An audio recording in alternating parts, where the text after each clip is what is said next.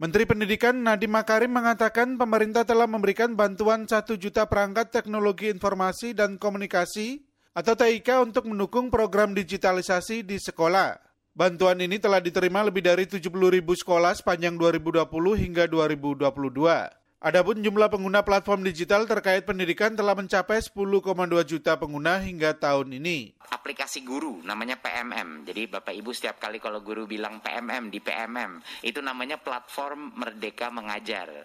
Nadiem menjelaskan platform digital tersebut berguna untuk membantu proses belajar mengajar seperti platform Kampus Merdeka yang dapat digunakan untuk mengunduh perangkat ajar.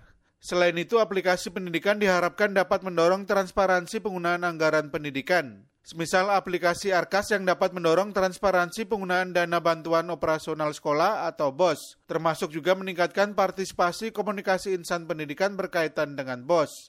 Pemerintah juga berharap platform digital pendidikan ini dapat memudahkan satuan pendidikan di berbagai wilayah untuk mengakses produk dan jasa pendidikan. Sebab terdapat 11 juta produk dan 84 ribu penyedia barang jasa yang terhubung dengan platform pendidikan. Menanggapi hal itu, anggota Komisi 10 DPR RI dari Gerindra Nuroji mengapresiasi capaian digitalisasi di bidang pendidikan. Menurutnya, transformasi pendidikan memang harus dimulai dari infrastruktur TIK. Namun menurutnya pemerintah belum memberikan data yang utuh terkait perkembangan digitalisasi pendidikan di seluruh wilayah Indonesia. Sebab yang disampaikan Nadim hanya pada periode 2020 hingga 2022 ada 400 ribu sekolah. Nah ini berapa persen?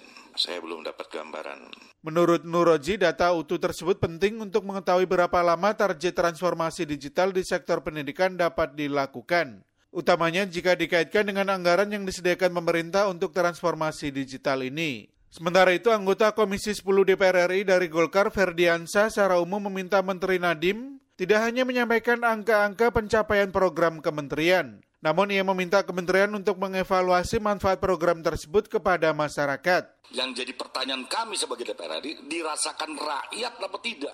Percuma kalau nggak dirasakan rakyat. Dari Jakarta, Sesmita Madri melaporkan untuk VOA Washington.